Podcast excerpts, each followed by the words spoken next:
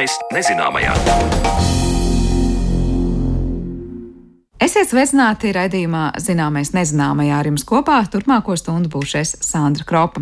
Izprast dabas likumus ir tikai daļa no zinātnieku darba. Nemazāk aizraujoši ir mācīties no dabas un pielāgot šīs zināšanas cilvēku vajadzībām.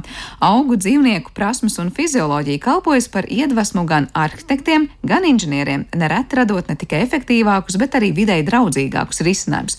Par biomimikriju inženierzinātnēs mēs runāsim jau pavisam drīz, taču līdz tam iepazīsim, kā fizikas likumi ļāvuši ļāvuši mums radīt efektīvākus un ērtākus rīkus. Daba visu laiku ir bijusi klāta un iedvesmojusi īstenībā cilvēku, parādot, ko vispār dabā var izdarīt. Ja? Jo, ja mums nebūtu putnu, ja mums nebūtu zivju, vaļu un, un visādu dzīvnieku, mēs jau nevarētu pat iedomāties, ka ir iespējams lidot gaisā, ka ir iespējams ilgi būt zem ūdens, ļoti dziļi jau un ļoti ātri peldēt, ļoti ātri skriet. Man liekas, ka tas, kādā veidā cilvēks ir varējis to adaptēt sevi, ir tas, cik ātri tā zinātnē attīstīsies un tās tehnoloģiskās iespējas. Ja, jo sapņojuši jau ir visi, un tie sapņi pamazām līdz ar tehnoloģiskajām iespējām ir pamazām, pamazām ar vien piepildījušies. Tā sarunu iesāk Tukuma Raiņa ģimnāzijas fizikas skolotājs un izglītības portāla Fizmiks satura veidotājs Valdis Zuters. Atcaucoties viņa teiktajam par daudziem sapņotājiem senatnē, atminēsimies sengrieķu mitoloģisko varoni Ikaru, kurš vēlējies lidot gluži kā putns. Viņš patiešām pacēlies spārnos ar tēva Daidala izveidotajiem spārniem, taču tā kā Ikars pielidojis pārāk tuvu saulei, tad spārnu stiprinājuma materiāls, vasks, izkusis, spārni izjukuši un Ikars iekritis jūrā bet ir daudz veiksmīgu stāstu, kad dabā pastāvošas idejas varam aizņemties, lai radītu tehnoloģiskus brīnumus. Tas, kas neizdevās Ikaram, ir izdevies lidaparātiem, kuru izveidē iedvesma noteikti gūta putnu uzbūvē. Protams, to spējā pacelties gaisā un faktā, ka putniem ir viegli ar gaisa dobumiem pildīti kauli. Par lidošanu turpina Valdis Zuters manuprāt, jau pats vienkāršākais ir spārns. Tad var redzēt, ka tos spārnus kaut kā groza, un tā viņi var gaisā vienkārši tā kā gandrīz karāties uz vietas, jau vai plivināt un tad lidot tālāk. Protams, ka spārns noteikti ir pirmais un izmēr ir vieglums, ja, jo tas ir arī izaicinājums avio būvē um, uztaisīt pēc iespējas vieglāku, jo tajā brīdī mēs to varam padarīt arī ekonomiskāk. Protams, mēs varam pacelt gaisā arī smagu, kā mēs to redzam, arī mums raķetes iet augšā un tālu aizved arī cilvēkus, bet uh, tas ir ļoti, ļoti dārgi, ja, un mēs gribam gan dabai draudzīgai, gan lētāk, līdz ar to mums vajag arī vieglāk, jā. Bet, protams, ka ar putniem un lidmašīnām lidmašīnām uzreiz arī var redzēt to problēmu. Ja, jo mēs, protams, ka ideju paņemam no putna, bet mēs gribam arī ātrāk to izdarīt. Ātrāk, efektīvāk, tālāk. Protams, ka tas kā putns šos spārnus vicina uz augšu, uz leju. Mēs, diemžēl, tādu mehānismu, lai ļoti, ļoti, ļoti ātri pārvietotos, nevarētu pārnest, ja, jo tad uzreiz tie visi savienojumi ļoti ātri būtu pagalam. Ja. Tā kā mums ir tā ideja jāpaņem, ka ir šis spārns, kas nodrošina šo iespēju lidot, ja, un tad ir jāstāsta, kādā veidā mēs varam iegūt to dzinēju spēku, ja, lai dabūtu to uz priekšu, un tad jau sākas atkal skats uz citiem dzīvniekiem. Ja, un es teiktu, ka tur ir apvienojums, ja, ka spārnu mēs paņemam piemēram piemēram, no putna. Un tad skatāmies, piemēram, kaut kādā ūdenī ar kaut kādu reaktīvo kustību, kā kustās dzīvnieki, un tur iegūstam tās idejas, kā, kuras mēs varētu arī varbūt, tad, uh, realizēt, tad, kad mēs esam atmosfērā. Jā, un tā visu tā liekot kopā, varbūt pat īstenībā nenojaušot tiem, kas tās idejas rada, jo es domāju, ka zinātniekiem, inženieriem tā arī ir ka, ja viņi pašķitinā, tad īstenībā tās idejas kaut kur aizmetņi radušies eh, no kaut kādām idejām, ko viņi ir ieguvuši. Tā skaitā arī dabā un skatoties, kas notiek. Es tagad visu laiku savā acu priekšā iztēlojos lidmašīnu, kā lidmašīna paceļas un uh, nolaižas. Un tas jau iespējams arī ir kaut kā aizgūts no putniem. Putnu piezemēšanās arī ir ar tādu slīdošu efektu, nevis momentā bams uz zemes. nu, jā, nu, tur ir ļoti vienkārši fizika. Nu, arī saka, vai ātrums nogalina. Nu, īstenībā jau ātrums pamatā nenogalina, nogalina strauja apstāšanās. Ja? Un, ja mēs gribētu to, to kustību ļoti strauji apturēt, tad attiecīgi būtu pātrinājums, eh, kas nozīmē, ka uz cilvēku darbojas milzīgs spēks. Ja? Un, un jo īsākā laikā ir kaut kas jāaptur vai jāpātrina, jo lielāks spēks cilvēku darbojas. Tas ir tīri no fizikas un uh, drošības apsvērumiem, kāpēc tas nenotiek ātri. Bet, protams, ka to arī tehniski ir grūti izdarīt ātri, jā, bet uh, tur ir abas divas lietas, gan tehniski, gan arī cilvēki ir jāpasaudzē. Bet ar citu jūs pieminējāt raķetes. Raķetes man arī figurēja prātā, pagabet, tur arī kaut kāds uh, dzīvnieks ir pamatā, kas spēj tā ātri uzšauties gaisā. Raķetēm ir šī reaktīvā kustība, ka mums ir kaut kas ļoti strauji vienā virzienā jāizmet, un, mm. un attiecīgi notiek kustība pretējā virzienā. Tur šeit konkrēti dzīvnieki ir nosaukt grūti, bet man uzreiz pirmais nāk prātā kāda ūdens dzīvnieka, kas izšauj tādu ūdens trūklu vai ūdens uh, masu vienā virzienā un tādā veidā kustās pretēji. Tur varētu būt aizgūta šī ideja, vai arī nu, vienkārši patiesībā kaut ko uzpūšot. Mēs jau arī redzam, tur nevajag dabu un dzīvo pasauli, mēs kaut ko uzpūšam un palaižam vaļā un redzam, ka balons dēļ tās plūsmas sāk kustēties kaut kādā virzienā, un tad mēs mēģinām to plūsmu dabūt pēc iespējas lielāku, un tad iegūstam kaut kāds sprākstošs process, ja, kur mēs redzam, ka tās gāzes ar lielāku ātrumu kustās, un tā pamazām pa solītim mēs nonākam līdz tam, ka, lūk, jā, mums ir raķeti, ir pirmie izmēģinājumi, un nu, jau tas ir aizgājis jau ļoti augstā līmenī, mm. tiešā un pārnestā nozīmē. Nu jā, un droši vien tā, ka mēs runājam vispār par lidaparātiem, kas ir lidmašīnas, raķetes, helikopteri, te jau vēl varētu strīdēties, cik kura lieta ir daudz paņemta no putniem, cik kas no kukaiņiem. Mēs jau nevaram noliegt visus lidojošos mazos kustoņus, vai ne? Protams, bet nu, es domāju, ka tur arī nevajag iedziļināties jā. sīkumos, lai tagad uh, pasludinātu, kurš tad ir tas mūsu iedvesmas avots. Es domāju, ka tur jāstāsta tā bilde ir kopumā. Mm. Kā jau arī saka, ka daba ir eh, tā laboratorija, kas ilgāk darbojās uz Zemes, jā, kamēr cilvēki vēl ne tuvu nebija uz Zemes. Jā. Bija jau procesi, kuri sevi pilnveidoja, optimizēja, lai pielāgotos un darītu lietas ātrāk, efektīvāk. Jā, un tad pēc ļoti daudz miljardiem gadu atnāca cilvēks, jā, kurš gribēja īsā laikā izdarīt daudz. Uh, izdarīja, bet tad saprata, ka blakus ir kaut kas kas dara to krietni efektīvāk, labāk un attiecīgi sāk aizgūt tās idejas tur. Jā, es domāju, ka no katra var kaut ko atrast, kādu detaļu, kas ir varbūt paņemta kaut, ko, kaut kur tālāk. Ja mēs tagad no tā gaisa nolaižamies ūdenī, ko jūs patiesībā jau pieminējāt, un es uzreiz domāju nu, par tādām zemūdenēm un visiem šiem smailajiem ūdens braucamiem rīkiem, kur arī pēta tās īpašības, kas var labāk atspērties, kas var ātrāk peldēt. Tur jau droši vien arī ir kaut kas pamatā, vai ne? Nu, ne jau arī viens organisms. Nu, mēs arī varam iemest kaut ko ūdenī, kādu muci, jā, aiztaisīt cieti, ielaist ūdeni, skatīties, kā tur grimst, jā, un domāt, kā varbūt to padarīt to procesu, lai atkal uzpeldētu augšā. Bet, eh, manuprāt, šeit interesantākais ir tas, kā iegūst tos uzlabojumus. Ja, jo pirmās lidmašīnas un zemūdens jau, jau, jau kāds krietnes laiciņš ir pagājis. Tagad, lai uzlabotu to sniegumu arī uz zemes, kas mums ir uh, transporta līdzekļi, kas pārvietojas ļoti ātri, tur ir ļoti svarīgi šīs pludlīnijas. Ja, un arī tas, cik eleganti pārvietojās, lai nav šis troksnis, par ko arī mēs satraucamies, kad ātri pārvietoties var rasties troksnis. Tur tajos, nu jau jāsaka, tā kā sīkumos, tā kā augstākajā līmenī jau sāk uh, tur kopēt, jo dabai tur ir ļoti daudz piemēri kā var Nu, piemēram, par 10% efektīvāk, par 15% efektīvāk kaut ko izdarīt.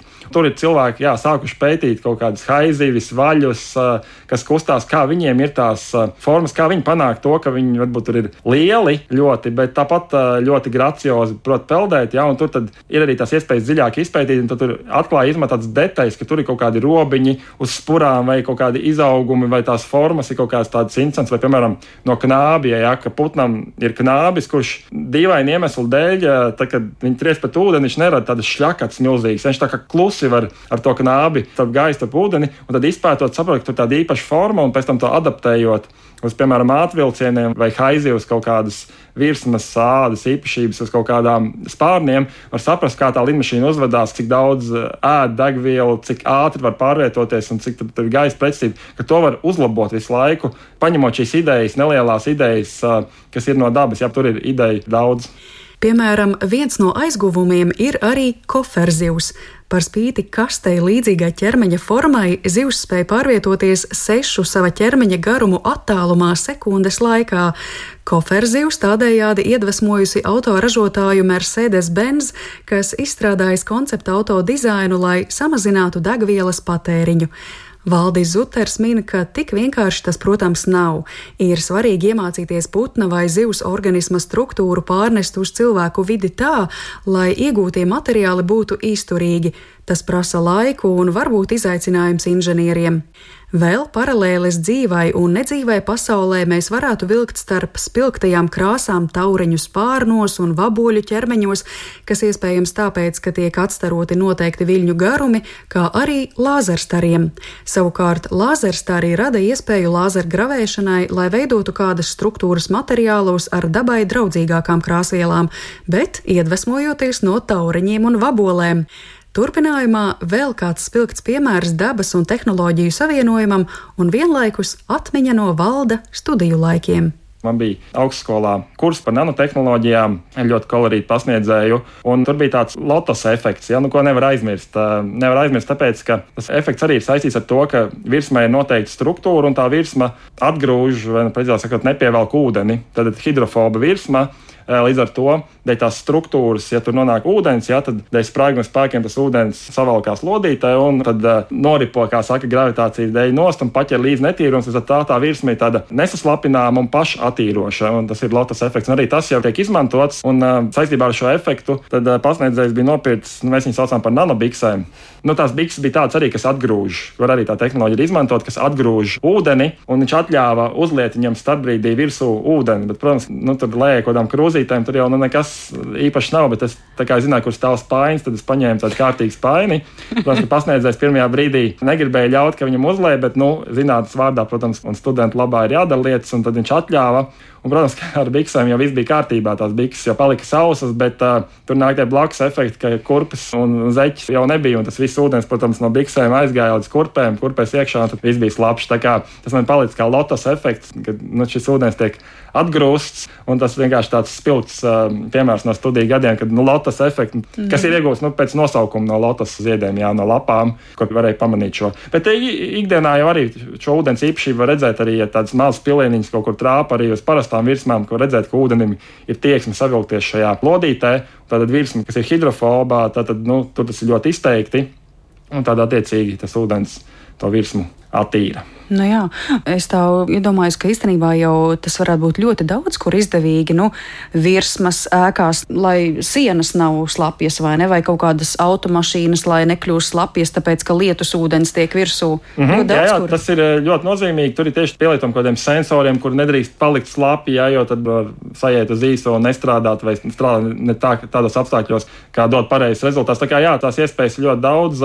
Ir, protams, dažādi veidi, kā to dabūt arī apaviem, jā, kad atgrūž ja, un tu vari iziet cauri dubļiem un pēc tam redzēt, ka īstenībā apavi ir tīri. Ja. Un, protams, ka viens veids to akali dabūt ar kaut kādiem ķīmiski toksiskiem līdzekļiem, ja, kas varbūt nav tik draudzīgi dabai gan ražošanas, gan lietošanas procesā, bet tad ir tāda dabīgāka, kur īstenībā netiek izmantots nekad. Tur īstenībā šī struktūra, protams, ka tā arī ir iespējama tikai noteiktiem materiāliem. Tas nav tā, ka mēs jebkuru materiālu varam paņemt un tagad pārtaisīt tādā veidā, bet var piemeklēt materiālus, kas ir draudzīgāki dabai un attiecīgi šo efektu arī var iegūt. Un mm. ieguvēji tad līdz ar to ir visi.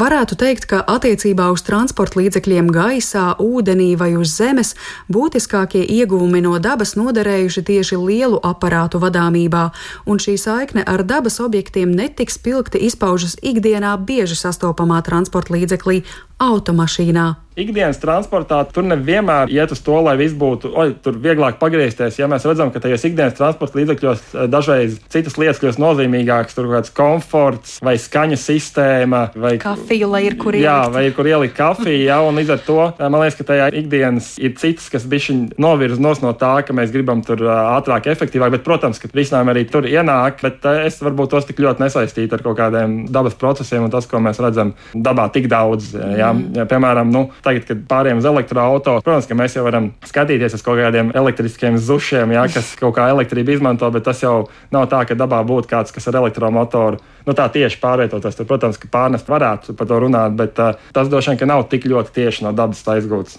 Man bija atkal viens interesants pārsteigums, lasot informāciju, ka autoražotāji mēģina pārņemt principu, kas ir novērojams siseņu populācijās, kad siseņi var piemēram apdzīvot pat 80 miljoni uz vienu kvadrātmetru, bet tie nekad nesaskrienas.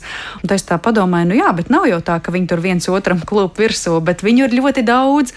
Un tad tādiem autoražotājiem tas varbūt tiešām ir veiksmīgs paņēmiens, bet eh, varbūt tas nav pats būtiskākais, ko autoražotāji domā, vai ne? Bet uh, droši vien, ka darba organizācija gan ir tas, ko būtu jāsaprot, jā. kā dzīvniekiem tas sanāk. Jā, arī skudrām, jā, kā tur var bez darba sapulcēm, tikšanās reizēm, viss notiek. Jā, un te arī, kad ir milzīgs skaits un nesaskrienās, jā, mums ir jābūvē sensori, mums vajag 5G, lai mēs varētu tagad kaut ko mēģināt tajā virzienā. Jā Bet reku mums ir piemērs, kur iespējams, ka var kaut kādu principu saprast, kā to dara, un iespējams, ka tur ir kaut kāda atslēga, ko vienkārši pirmajā brīdī nevar tik viegli pie tās tik klāt, bet kādā brīdī mēs sapratīsim, kā mēs to patiesībā varam arī ienest tajā, ko mēs darām ikdienā. Jā, šis vienkārši brīnišķīgs piemērs, ko jūs minējāt. Jā. Nu, jā, un es domāju, ka šī brīža situācija pasaulē arī parādīja, ka nu, tās darba sapulces nemaz tik daudz nevajag. bet to sapratu tikai tad, kad nu, vairs nebija iespēja tās tik daudz norganizēt, liekas tik efektīvi, kā mums likās, ka agrāk bija. Jā. Tad mēs sapratām, ka jā, īstenībā tik daudz nemaz nevajag. Jā. Mēs paši dabūjām kaut kādu mācību, ka vienkārši vajag pamēģināt kādreiz arī kaut ko citu. Viņiem sapulču nav, kā viņi to panāk, jā, kur notiek tas viss process. Uzskaitījumu, kad dzīvās dabas idejas pārņemtas tehnoloģijās, varētu turpināt vēl, piemēram, iedvesma gūta no zirnekļu veidotajiem pavadieniem un vaboļu ķermeņu apvalkiem, kuru pamatā ir izturīgs materiāls. Tāpat Valdis Zuters norāda, ka no dabas mēs varētu, tā teikt, pašpikot ideju par to, kā veidot novērošanas kameras, proti nevis veidot kameru ar vienu lielu aci, bet gan balstīties tajā redzē, kāda ir kukaiņiem, mozaīka veida redze ar fasetacīm, attiecīgi likt kameras citā izkārtojumā. Dabā nekas nav tāpat vien, un tieši tas dzen uz priekšu zinātniekus, tostarp, lai radītu lipīgās aizdares somām, apaviem un ne tikai tam. Vēl tāds ļoti acīm redzams piemērs, ko mēs vēl ļoti plaši izmantojam, kas ir līplente. Mēs arī dabā redzam, ka dadas ieķerās kaut kur matos vai drēbēs. Jā, tas īstenībā šis produkts ir tapis ļoti vienkārši. Pastoties, jā, ka rekur ieķērās, kāpēc tas tā notika. Skaties, ka tur vienkārši ir āķīši, cilpiņas. Ja, mums tagad ir ļoti plaši pielietota līplēnta, ja, kas tiek teiks, izmantot daudz kur un dikti. Ja, un tas ir tāds, man liekas, ļoti vienkārši piemērs no dabas, ko mēs esam pārņēmuši. No dabas esam paņēmuši mazos ezīšus, dadzīšus, ko bērniem tik ļoti patīk eh, ielipināt matos, vai ne? Jā, es sevišķi tie, kuriem ir čirkaini eh, mati, un tad viņiem ir tāds grūtības to dabūt, dabūt ārā. Ar Marionu Baltkalnu sarunājās fizikas skolotājs Valdis Zuters, bet par to, kā idejas no augiem un dzīvniekiem var izmantot saules enerģijas izmantošanā, ēku apsildīšanā, runāsim pēc mirkļa studijā.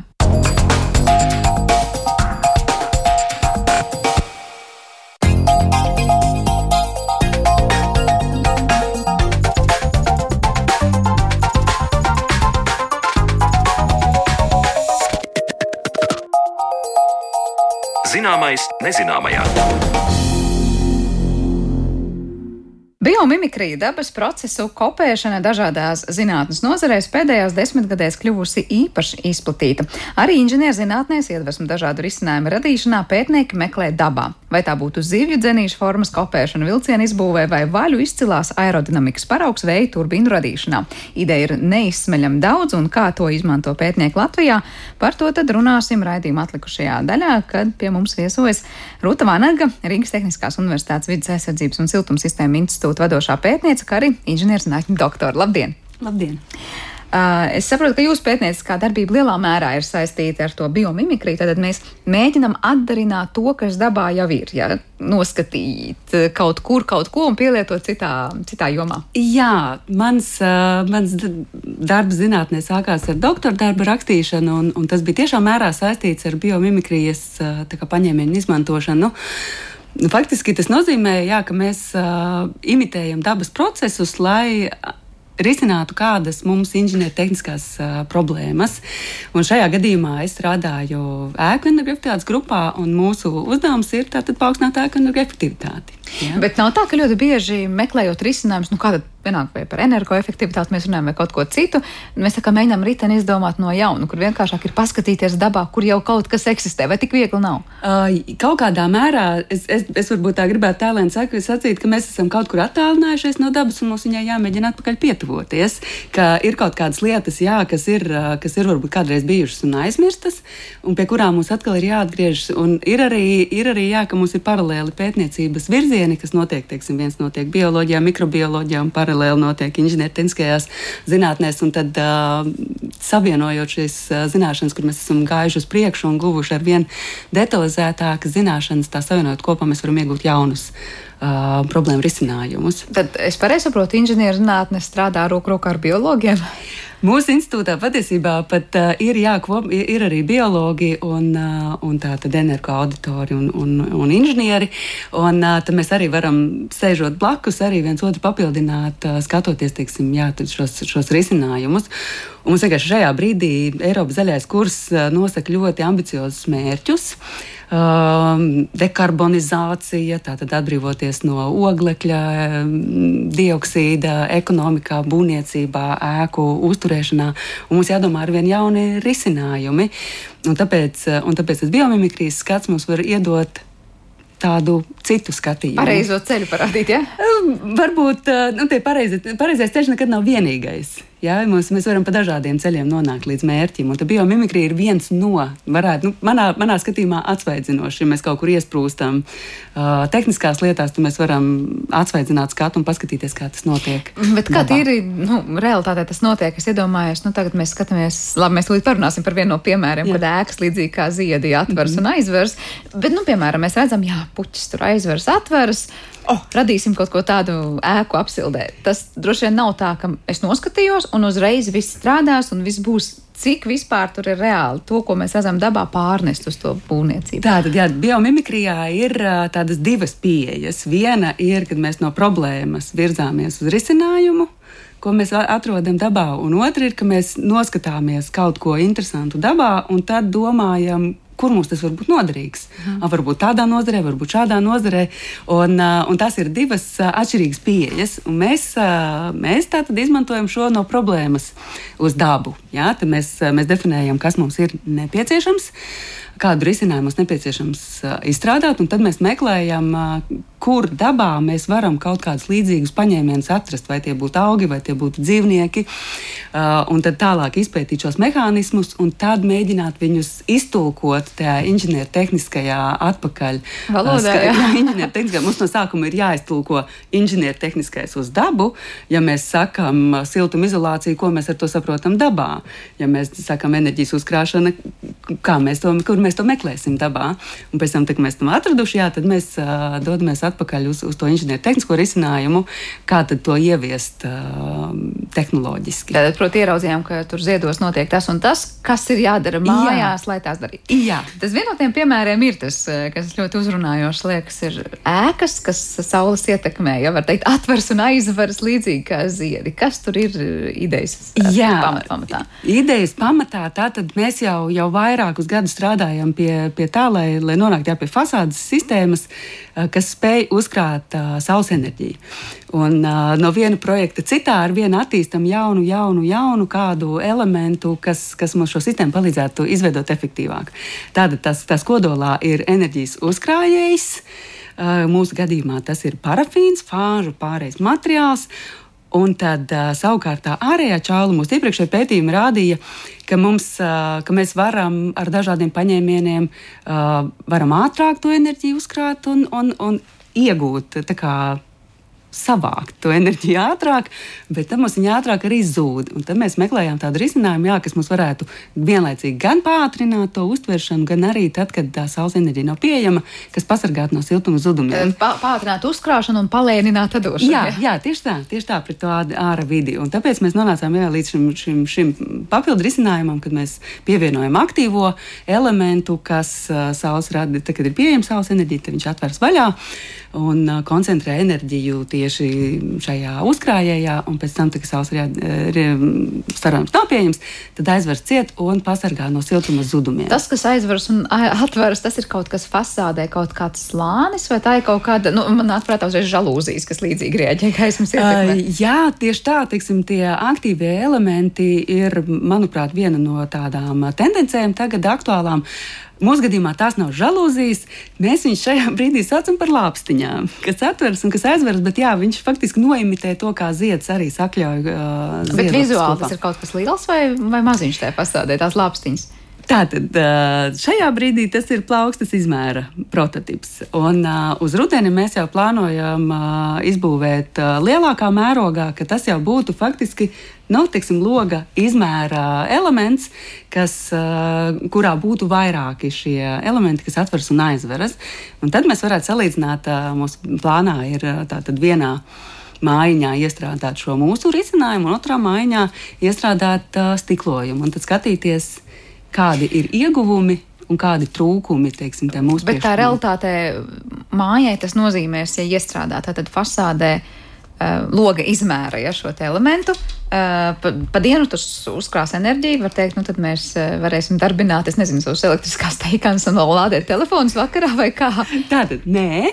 Tātad, tad, kad mēs runājam par aktīvām ēku norobežošām konstrukcijām, tā sarežģīti izsakoties, jeb sienām un jumtiem, tad mēs, mēs runājam par to, jā, kā to enerģiju, kas mums ir pieejama uz vietas, kā mēs viņu varam transformēt nu, teiksim, cilvēku vajadzībām. Un šajā brīdī tie veidi ir divi, vai tā ir elektrība vai siltumenerģija. Un mēs virzāmies tajā siltumenerģijas lauciņā. Jā, tātad tas, ko mēs varam izdarīt ar šo, mēs varam nodrošināt termālo komfortu. Mēs varam to enerģiju, kas ir dienā uzkrāta šajā fāžu pārējais materiālā, pēc tam vakarā, naktas laikā nodot telpai. Bet kas notiek, ja, piemēram, ir vasara un mums nevis ir jāsilda, bet jāatdzesē tā telpa? Tas Jā, veiks tad, to funkciju. Tātad eh, fāžu pārējais materiālam ir eh, liela siltuma ietilpība. Uh, tas nozīmē, ja mēs salīdzinām, varbūt zināmās konstrukcijas, tad tas nozīmē, ja mēs salīdzinātu koka karkasu ēku ar mūra, kar, mūra ēku, tad mēs redzam, ka uh, viena tad, tad koka ēka uzsilst un atdziest ātrāk, un mūra ēka lēnāk. Ne, mums vēlāk rudenī prasās apsildi, un, ātrā, un vēlāk arī vasarā dzēsēšanu. Nu, lūk, un pašpārējais materiālam ir vēl lielāka siltuma ietilpība nekā betonam, ķieģeļa mūrim. Attiecīgi, līdz kaut kādai robežai tas pašpārējais materiāls arī ir spējīgs uzkrāt enerģiju savā tilpumā. Savukārt, to enerģiju, kas paliek pāri, bet tiek uzkrāta, mēs varam novirzīt piemēram karstā ūdens priekšsildīšanai. Jā, jo mums tās cilvēkam enerģijas vajadzība ir nu, ļoti, ļoti liela. Tieši tā atradīsim vienmēr, kur, kur pielietot. Jā. Tātad, ja mājai tāds um, elements tiek iebūvēts, var teikt, arī vasarā nav jāsatraucās, ka tas nu, ties siltumā vai kur mums to likt vai, vai laist gaisā, mēs to varam pēc tam izmantot tātad. Uh, Kaut vai elektrībā. Uh, tātad uz, uz to pārveidošanu elektrībā tur varbūt būtu cits mehānisms vajadzības, bet, uh, bet tas, ko mēs šajā brīdī arī tā, ar tām, ar tām pētījumu turpmākajām fāzēm gribam redzēt, cik tieši Ja, cik tieši mēs iegūsim ziemā, vasarā, rudenī, cik mums paliek pāri, lai mēs varam saprast, jā, to, kur to enerģiju liederīgi novirzīt. Un, un vai mūsu priekšlikums gal galā ir labāks nekā līdz šim izstrādātie risinājumi, vai, vai varbūt tomēr tur ir vēl jāturpina pētīt. Bet vizuāli tas izskatīsies kā fasādes kaut kāds dekoratīvs elements, vai tas būs neuzkrītoši. Mēs pat nezināsim, ka tajā vietā fasādē tur ir kaut kas iestrādāts. Jā, tas, ir, tas nav nano līmenis, kur, kur, kur notiek neredzami redzami procesi. Tas ir varbūt ne, ne nu, faktiski jā, makro līmenis, kas, kas ir, jā, mūsu tas elements ir apmēram plaukstas izmērā, kas atveras un aizveras, un, un tādi fasādē būtu izvietoti daudzi. Respektīvi, mums faktiski teiksim, tas fāžpārējais materiāls, kas ir uzkrājies, būtu lielākā tilpumā izvietots fasādē, bet tie aktīvi elementi tad jāskatās.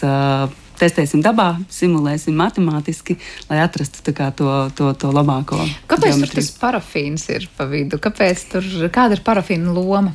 Parafīna loma ir tātad fāžu pārējais materiāls. Ir teiksim, šajā brīdī arī viens no mēs mēģinām tā tādus daudzus paralēlos, aktīvo, aktuālos zinātniskos izklaides trendus apvienot un, un radīt teiksim, kaut ko jaunu. Un tad, jā, kā jau teicu, aktīvās komponentes ir viens no, viens no tādiem virzieniem. Un šis pārspārējais materiālu izmantošana ir arī viens virziens, kurā tiek strādāts gan runājot par ap, apkuri, gan par dzēsēšanu. Nu, lūk, un fāžu pārējais materiāls, kā jau minēju, viņam ir liela siltuma ietilpība. Tas nozīmē, ka viņš ir spējīgs absorbēt ļoti daudz enerģijas, bet tā papildus. Būtiskā īpašība ir tāda, ka katram fāršpārējais materiālam ir sava kušanas temperatūra. Un kušanas laikā šī temperatūra nepaukstinās. Ja mēs, piemēram, Uh, ūdens arī ir fāžu pārējais materiāls, bet, uh, bet tā abstrahējoties, ja mēs apskatītu parastu ūdens boileri, kur mēs arī uzkrājam enerģiju, mēs sildam ūdeni un mums uh, temperatūra aug. Un tad mēs viņu atkal iztērējam, temperatūra krītas, aug un krītas. Un mums faktiski visu laiku boilerī pieaug temperatūra. Bet fāžu pārējais materiālā, kamēr notiek fāžu pārēja, temperatūra nemainās. Tas nozīmē, ka uh, nu, es tā rādu ar pirkstiem, tagad līniju, ja, kas aug, stāv stabili un pēc tam aug atkal, tad ir kaut kāds brīdis, kad tā, ka tā, ka tā temperatūra nepaukstinās. Tas nozīmē, ja man sienā ir pārspārējais materiāls, kuru kušanas temperatūra ir apmēram telpas, tad tas nozīmē, ka tas, tā siena ne, nepaukstinās temperatūrā, bet notiek tas fāžu pārējais process. Un tad, kad viņš notiek atgriezeniski, tad tā enerģija tiek atbrīvota. Tad viņš ietur viņu jā, jā, jā, jā, jā, temperatūra nepaukstinās, bet enerģija materiālā tiek uzglabāta. Un tāpēc un tas ir tas, tas, tā pievienotā vērtība, ja tā var teikt, kāpēc viņš ir interesants izstrādājot būvniecības risinājumus. Bet cik daudz no tas prototyps ir viens jautājums, bet ja tas notiks uz reālas ēkas, cik liela fasādes daļa būtu jānoklāj ar šādiem elementiem, lai tā nodrošinātu tādas mājsaimniecības vajadzības? Jā, tas ir, tas ir nākošo soļu jā, izpētes jautājums. Cik lielā mērā, ja mēs teiksim, skatāmies tā kopumā zem enerģijas patēriņa ēku būvniecības principus, tad tie prasa, ka mums uz dienvidu fasādi vajadzētu pēc iespējas plašāku stiklojumu uh, izvietot, lai mēs ziemā iegūstam saules siltuma ieguvumus. Un kaut kādā mērā šī mūsu piedāvātā fasāde ir konkurence. Jā, mēs arī piedāvājam kā, uh, enerģijas, nu, mēs, mēs piedāvājam ne tikai enerģijas uztveršanu, bet arī uzkrāšanu. Uh, un tas ir tas, kas mums jāsalīdzina, jā, cik ļoti mēs iegūsim, ja mēs varam uzglabāt šo enerģiju, un cik, teiksim, pretstatā, piemēram, trīslāņu paketei, stiklotai.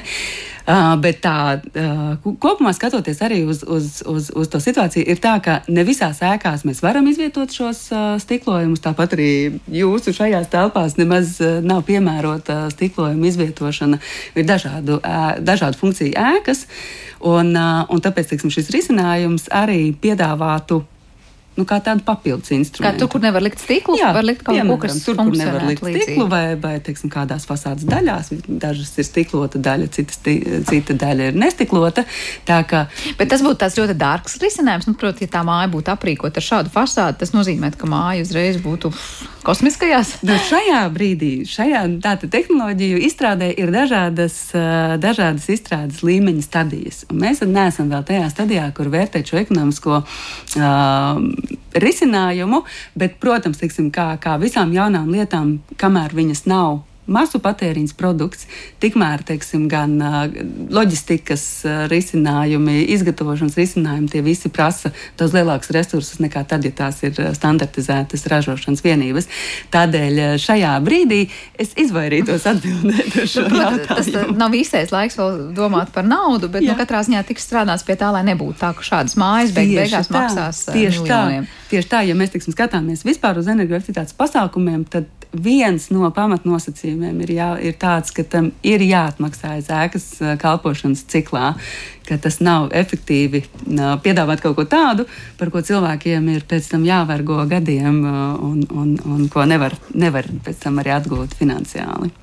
Es zinu, ka vēl viena interesanta lieta, kur dabā noskatītais rod pielietojumu būvniecībā, ir, teikt, nu, vaļu ādas vai zemādas, var teikt, procesu imitācija. Nu, faktiski tas arī ir tas fāžu pārējais materiāls, jā, jo, jo valim zem ādas ir šis uh, trānas slānis, kas darbojas kā enerģijas uzkrājējs. Un tad, teiksim, skatoties, kā anatomiski funkcionē šis slānis, mēs arī varam skatīties uh, un, un, un uh, iedvesmoties. Nu, piemēram, uh, šim slānim ir dažādas uh, slānis. Tas, viens, tas viss viens ir trāna slānis, bet tam ir dažādi blīvumi. Ja? Mēs arī, teiksim, ēkā varam skatīties, tad, vai mēs izmantojam visu laiku vienu fāžu pārējais materiālu, vai mēs kombinējam dažādus.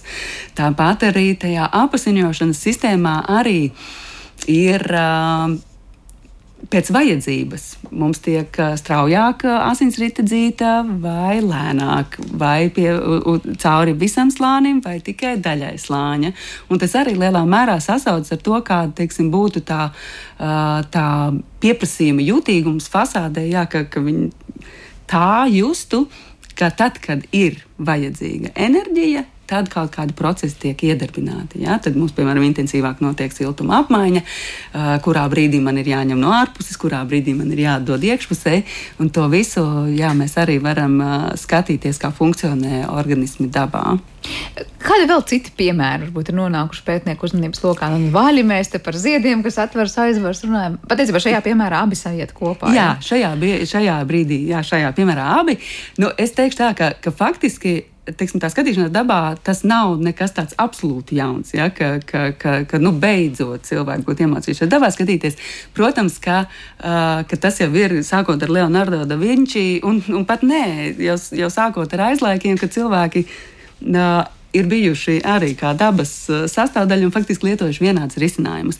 Tas, ko man gribas pieminēt, varbūt pirmkārt ir, ja mēs skatāmies kā enerģijas apriti dabā, uh, tad mēs uh, redzam, ka katra dzīva vienība ir atsevišķa enerģijas vienība. Es dabā funkcionēju no tā, kas man ir pieejams uz vietas, no tā saules enerģijas daudzuma, kas man ir pieejams uz vietas. Un tad es pakārtoju tam pieejamam enerģijas uh, apjomam to savus procesus, kā es izdzīvošu šajā. Mums, mūsu sistēmās, mēs esam pieraduši, ka mums ir jāieštepselē tikai štepsels, un, un strāva nāks tik daudz, cik vien man vajadzēs. Vai, vai apsildējies tikai pagriežu termostatu, un man ir siltāks vai vēsāks, es tagad sildīšos vai dzēsēšos. Un tas ir viens tāds pamatnosacījums, teiksim, jā, ko mēs redzam, ka, ka katra vienība ir atsevišķa. Un varbūt arī mums, un arī tie mūsu priekšlikumi, pie kā mēs strādājam, ir virzīti uz to, ka mēs izmantojam to, kas mums ir uz vietas pieejams. Uh, man ir pieejama saules enerģija, un kā es varu to izmantot uh, tālāk. No tādiem piemēriem, kas jau ir realizēti, nu, piemēram, ja mēs, ja mēs meklējam literatūrā biomimikrijas piemērus. Tad mēs varam pat atrast, ka, ka efeļtornī var atrast arī biomimikrijas kaut kādus elementus. Um, piemēram, salīdzinot to, to ažūro struktūru, kaulu struktūrai, kā, kā ir veidotas slodžu turēšanas, pārnešanas, un izlieces un, un pretestības. Uh, Jā, tātad tas pat nav nekāds tāds ļoti jauns piemērs. Man pašai vis tāds, vis tāds mīļākais piemērs ir jā, Londonas uh, ēka ar iesauku gurķis, kas faktiski ir no tā, tāda jūras auga Venēras groza aizgūta struktūra, ar ko man šis piemērs patīk vislabāk. Tāpēc, ka daudz piemērus mēs redzam tādu vairāk vizuālu līdzību. Ja, kad, ka, ka izskatās pēc, pēc kaktusa, vai izskatās pēc durjāma, vai pēc lotosa zieda. Protams, arī tur ir iekšā. Uh, pozitīvas kvalitātes, bet šis Londonas piemērs man patīk ar to, ka tas ir pēc būtības apskatīts kā tādā ažūrā struktūrā. Bez, uh, nu, kā arhitekti vienmēr vēlas izvairīties no kolonnām starp tā pārsegumos, kā tādu ažūru struktūru var atkārtot uh, tādās inženiertehniskās būvēs. Un tas man uh, ir tāds uh, simpātisks piemērs. Un, uh, mēs varam minēt arī Pekinā tātad uh, Olimpisko spēļu. Atklāšanas stadions, kas ir putna līgsta izmanto, iz, tādās līdzībās izgatavots arī tas Olimpiskais stadions, kas bija peldēšanas sacensībām. Tur savukārt ziepju burbuļu struktūra ir atdarināta. Kādā veidā?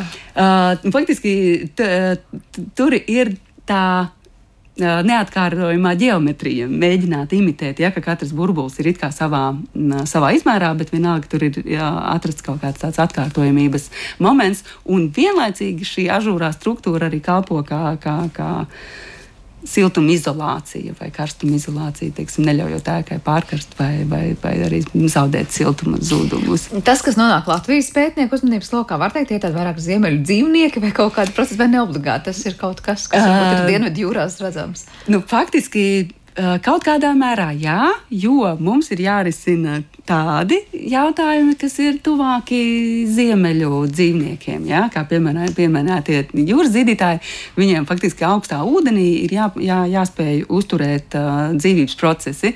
Tāpēc mums tas ir kā, varbūt tuvāks un interesantāks, bet arī vienlaicīgi tajā tajā radošās dzirksts procesā savukārt mēs tiešām arī mēdzam ieraudzīt kādus elementus, kas varbūt nav bijis pētījuma sākotnējā fokusā, bet papildina šo, šo, šo ideju. Tā piemēram arī, arī gadījumā ar šo fasādes risinājumu. Papildus mēs arī apskatījām tādu jūras zvaigzni, kurai ir klāta ar tādām mikro lēcu tīklojumu, kas palīdz, kas faktiski strādā kā sensori, kas iedarbojas uz, uz kaut kādiem konkrētiem punktiem ķermenī un, un inicijē kaut kādus procesus. Tāpat arī mēs uh, skatāmies, ko mums tāda lētas izmantošana arī var, var palīdzēt mūsu gadījumā, teiksim, koncentrēt saules enerģiju. Bet, uh, bet jā, faktiski vairāk skatoties uz ziemeļklimatu, bet šī karstā vasaras diena Jā, mums saka, ka, ka mums arī kļūst ar vien aktuālāki dzēsēšanas uh, risinājumi. Tā kā skatīsimies arī citu dzīvnieku skatīsimies arī dažādās klimatiskajās zonās. Bet tad, kad notiek šie pētījumi, es saprotu, nu labi, sākumā ir kaut kāds uh, studiju darbs uh, izzināt, kā jau mēs te minējām, tad, kas tas ir bioloģiskajā valodā runājot un kā to pārnest pēc tam uz to inženieru valodu. Ja tas izdodas, pēc tam jau notiek tā eksperimenta fāze, vien, kas ir gara un sarežģīta. Kā notiek tie eksperimenti, lai saprastu, vai vispār tur ir jēga tālāk? Tālāk domāt kaut ko. Jā, mēs tā tad, protams, jā, tas sākas ar priekšspēju, literatūras apskatu un skatīties, jā, kādas ir tās inženiertehniskās un bioloģijas robežas, kur mēs varam satikties. Bet tas nākamais ir faktiski tas notiek jau vairākos etapos.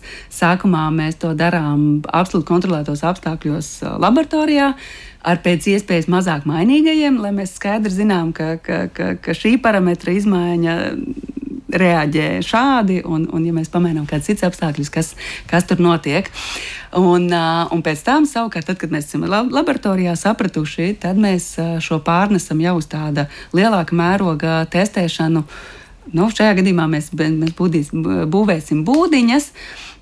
Un izvietosim turpat RTU kampusā uz kādas ēkas jumta. Un tad mēs skatīsimies, jā, un tad mēs veiksim tā kā salīdzinošu pētījumu, kā skatīties, kā tas mūsu elements kā, kāds ir tā elements sniegums salīdzinot ar um, citu vai nu tradicionālā siltumizolācijas materiāla sniegumu vai, vai trīslāņu, piemēram, stiklojuma. Un, uh, un šie tālāk, šie gan laboratoriskais uh, eksperiments, gan jau tā kā eksperimenta dabā ļauj mums pārbaudīt uh, matemātiskās simulācijas rezultātus. Ja mūsu matemātiskā simulācija sakrīt ar to, ko mēs varam nomērīt laboratorijā, tad tas ir uzticams modelis, un tad mēs varam veikt uh, izmaiņas modelī. Ja mēs, teiksim, dabā nevaram entos gadus testēt un, un, un, un pasūtīt, ka šovasar man lūdza tādu temperatūru un tādu saules radiāciju, un ziemā lūdza man tādus apstākļus, tad savukārt tajā datorsimulācijā mēs jau varam uh, skatīties daudz dažādāku spektru uh, robežu apstākļiem. Jā, vai, vai tā ir uh, saulaina mākoņaina diena, vai tā ir apmākusies mākoņaina diena, un tāpat arī vasarā, jā, vai tā ir, vai, vai cik, cik daudz ir pieejama saules radiācija, cik kādas ir temperatūras svārstības, un tad skatīties tos dažādos apstākļos. Jo galu beigās jau jādabū kaut kas, kas strādās gan dienās, kad ir vairāk saules, gan dienās, kad ir vairāk mākoņu. Jā, tad, uh... jā, tieši tā, un tad, teiksim, dabā mēs nevienmēr varam nomodelēt, uh, nomērīt jebkuros apstākļos, bet, bet savukārt matemātiskā modelēšana mums dod šo brīvību, ka mēs varam uh, gan skatīties dažādas sezonas, gan, gan, gan smalki stundu griezumā, gan diennakšu griezumā. Un kā jebkurš pētījums tiecas uz tādu globālu risinājumu, ja, tad arī pārnest un skatīties, kā tas notiktu kādās citās klimatiskajās zonās.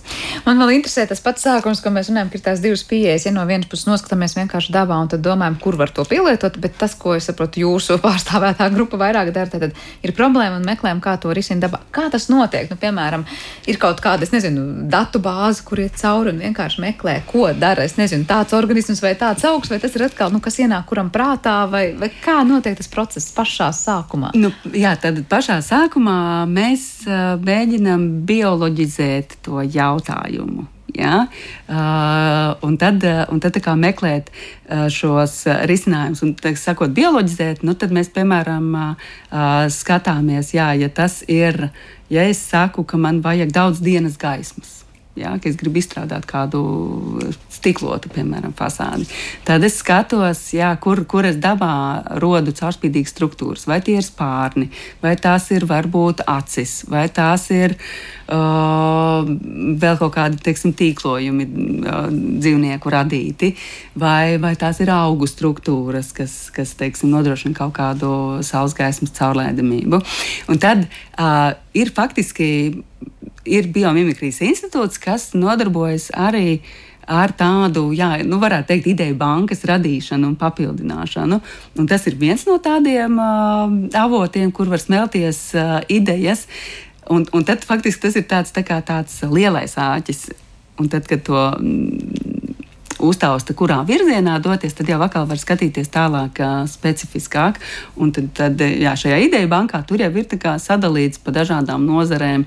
Vai tas ir, jā, vai, nu, vai tas ir elektrības ražošana, vai, vai, vai teiksim, ne, patiesībā pat, pat lielākās struktūrās, vai es, ko es gribu panākt, vai es gribu aizsargāties no, no kaut kādas ārējas ietekmes, vai es gribu struktūrālo noturību, vai es gribu jā, tur saules enerģijas kaut kādus elementus radīt. Un tad tālāk, pamazām, pamazām jau, jau, jau tiek šķetināts tālāk. Bet faktiski Faktiski, protams, teiksim, droši vien arī žurnālists katru, katru mīļu brīdi varētu teikt, ir darbā, jo ierauga kādu ideju, kas varētu noderēt un par ko raidījumu varētu uztaisīt. Un tāpat arī pētnieki. Uh, gan, gan, gan lasot uh, populāru zinātnisko literatūru vai, vai, vai redzot kādu situāciju dabā, ierauga, ka, ka šis man var noderēt. Tad un te var papētīt vairāk. Jā, tā kā arī ko... būvnieks var lasīt, es nezinu, augu fizioloģiju un saprast, jā, ka jā, ir kaut kas ļoti derīgs. Tieši tā. Bet es iedomājos, nu labi, cilvēks vai kurš cits dzīves organisms droši vien, nu, mums liekas, var dažādās situācijās pat tik ātri reaģēt, ka mēs pat nevaram uzprogrammēt nevienu materiālu tā, lai, ja gadījumā notiks tas un tas, tad ir jāieslēdz sevī kaut kādi pilnīgi citi mehānismi, kas vispār mums neapzināti droši vien ieslēdzās kā, to, kā ar to var tikt galā pēc tam, tad, kad nezinu, materiāls ir radīts vai sistēma ir radīta un saprot, ka ir situācija, kurā tas viss strādā šķērsām, jo dzīves organisms tur automātiski jau piecreiz būtu pārslēdzis sev kādu režīmu. Jā, tieši, šie, tieši šī automātika ir viena ļoti, ļoti interesanta daļa jebkurā organismā un teiksim, kā viņu pārnest uh, uz, uz šo tehnoloģisko risinājumu. Tas, kas, tas, kas teiksim, ir varbūt pētījumā kaut kurā stadijā, vai, vai sākuma, vai, vai vidus, jāsaprot, kādā šajā laika nogriezienī tā sistēma tiek būvēta. Vai tas laika nogrieznis ir sezonāls, vai tas ir diennakts, vai tas ir tāds stundas un ikmirkļa. Ja? Ka, ka teiksim, arī tā pati fasādes sistēma, vai viņa atvērsies katru mīļu sekundi Jā, vai, viņa, vai viņa strādās kaut kādā tādā plašākā dienas griezumā. Un tas ir ļoti būtiski, jo, protams, mums cilvēkiem eh, un, un arī citām, jebkurai dzīvai būtnē, tie ir momentāni procesi, jā, kas, kas, kas, kas ieslēdzas, lai, lai, lai saglabātu resursus pēc iespējas taupīgāk. Jā. Tad, šis ir, šis ir, šis ir faktiski jā, to viedo tehnoloģiju laikmets kad mūsu apkārt notiek tik daudz ļoti viedu, inteliģentu uh, lietu, ka šis ir tas brīdis, kad mēs varam iet smalkumos. Ja mēs, ja mēs teiksim, varbūt kādreiz lielākās lietās, tad tagad jau ir mēs varam ļoti, ļoti smalki gan nomērīt, gan, gan atbildēt precīzi uz kaut kādiem impulsiem. Tāpēc šis ir ļoti interesants Jā, brīdis. brīdis, kurā gan mēģināt atdarināt maksimāli precīzi, gan arī smelties tās idejas maksimāli daudz kur. Jā. Nu, ko, tas tiešām sevi ļoti interesantā veidā piesaka būvniecībā. Es ceru, ka mēs drīz redzēsim šādas ēkas ne tikai kā būdiņas izpētes stadijā, bet tiešām Jā. kā jau reāli dzīvē esošs objekts. Paldies par šo sarunu. Atgādināšu klausītājiem, ka šajā Šajā raidījuma pusstundā bijām kopā Rīgas Tehniskās Universitātes vidas aizsardzības un siltumsistēma institūta vadošo pētnieci, inženierzinātņu doktori Rūtu Vanagu. Ar to arī raidījums ir izskanējis un par to parūpējās producenta Paula Gulbinska. Skaņu režijā bija Kristīna Delle par mūziku. Šai stundai parūpējās Antas Pavasars, bet jums kopā bija Sandra Kropa. Mēs tiekamies jau atkal rīt. Visu labu!